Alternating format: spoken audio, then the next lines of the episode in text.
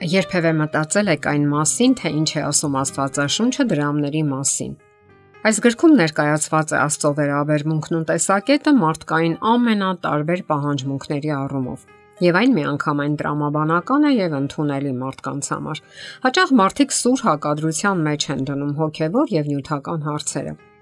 Հոգեվորն անկասկած առաջնային է, սակայն դա չի նշանակում, որ Աստված չի քաջալերում նյութական օրհնությունները։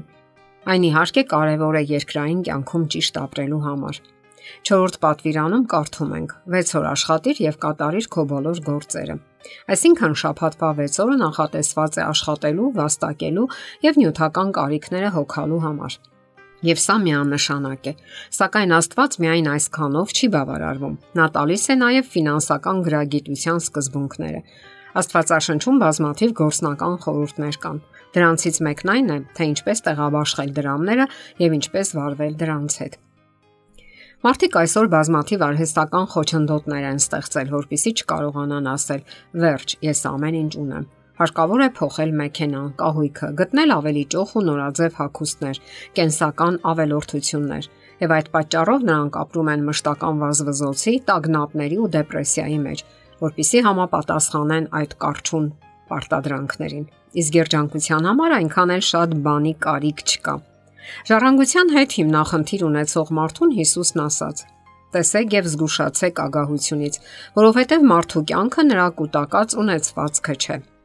Այո, երջանկությունը ոչ դրամների եւ ոչ էլ դրանց քանակի մեջ է։ Մեկ այլ համարում Պողոս Արաքյալը հորդորում է. Ուտելիք եւ հագուստ ունեք, դրանցով բավարարվեք Իսկ ովքեր ուզում են հարստանալ, փորձության, որոգայթի եւ բազմաթիվ անմիտ վնասակար ցանկությունների մեջ են ընկնում որովհետև արծաթած սիրությունը բոլոր ճարիքների արմատն է, որին ձգտելով ոմանք հավատից մոլորվեցին եւ իրենք իրենց բազում ցավեր պատճառեցին։ Աշխատելը վաստակելը տարբեր է արծաթած սիրությունից, երբ մարդու ողջ ուշադրությունը ուղղված է դրամներին Երբ այն կլանում է մարդու ողջ ժամանակը, ուժերն ու հնարավորությունը, այս դեպքում մարդը պարզապես ժամանակ չի ունենում այլ բանի մասին մտածելու։ Մեկ այլ համարում Պողոս Արաքյալը հորդորում է. Ոչ մեկին ոչինչ պարտական չմնաք, բացի միմյանց սիրելուց։ Սա նշանակում է ոչ մեկին պարտք չմնալ, եւ դա վերաբերում է նաեւ դրամներին։ Իսկ այսօր մարդիկ մեծամասամբ պարտքերի մեջ են։ Նրանք տարբեր պարտքեր են վերցնում, ներառյալ բանկերը։ Իհարկե անկասկած է, որ երբեմն հնարավոր են անկանխատեսելի իրավիճակներ, երբ հարկավոր է գումար վերցնել օրինակ անսպասելի հիվանդության համար, աղետների դեպքում, որոնցից ոչ մեկս ապահովագրված չենք։ Սակայն սրանք բացառություններ են եւ հարկավոր է խուսափել պարտքերից, ապրել ըստ ունեցած հնարավորությունների։ Իսկ անսպասելի դեպքերի համար կարելի է կանոնավոր գումար խնայել Ստացաք աշխատավարձը, որոշակի գումար, համապատասխան ձեր հնարավորություններին, Պարզապես մի կողմ դրեք, այսպես ասած, սև օրվա համար, եւ մի տրվեք բանկային համակարգի աշխատակիցների հորդորներին կամ համոզումներին։ Նրանք այդ ամենից ունեն իրենց բնականon շահն ու եկամուտները եւ հենց դրա մեջ է նրանց աշխատանքի բնույթը։ Հազարավոր, եթե ոչ միլիոնավոր մարդիկ ընկել են պարտքերի որոգայթը, կորցրել մեքենա, տուն եւ այլն եւ այլն։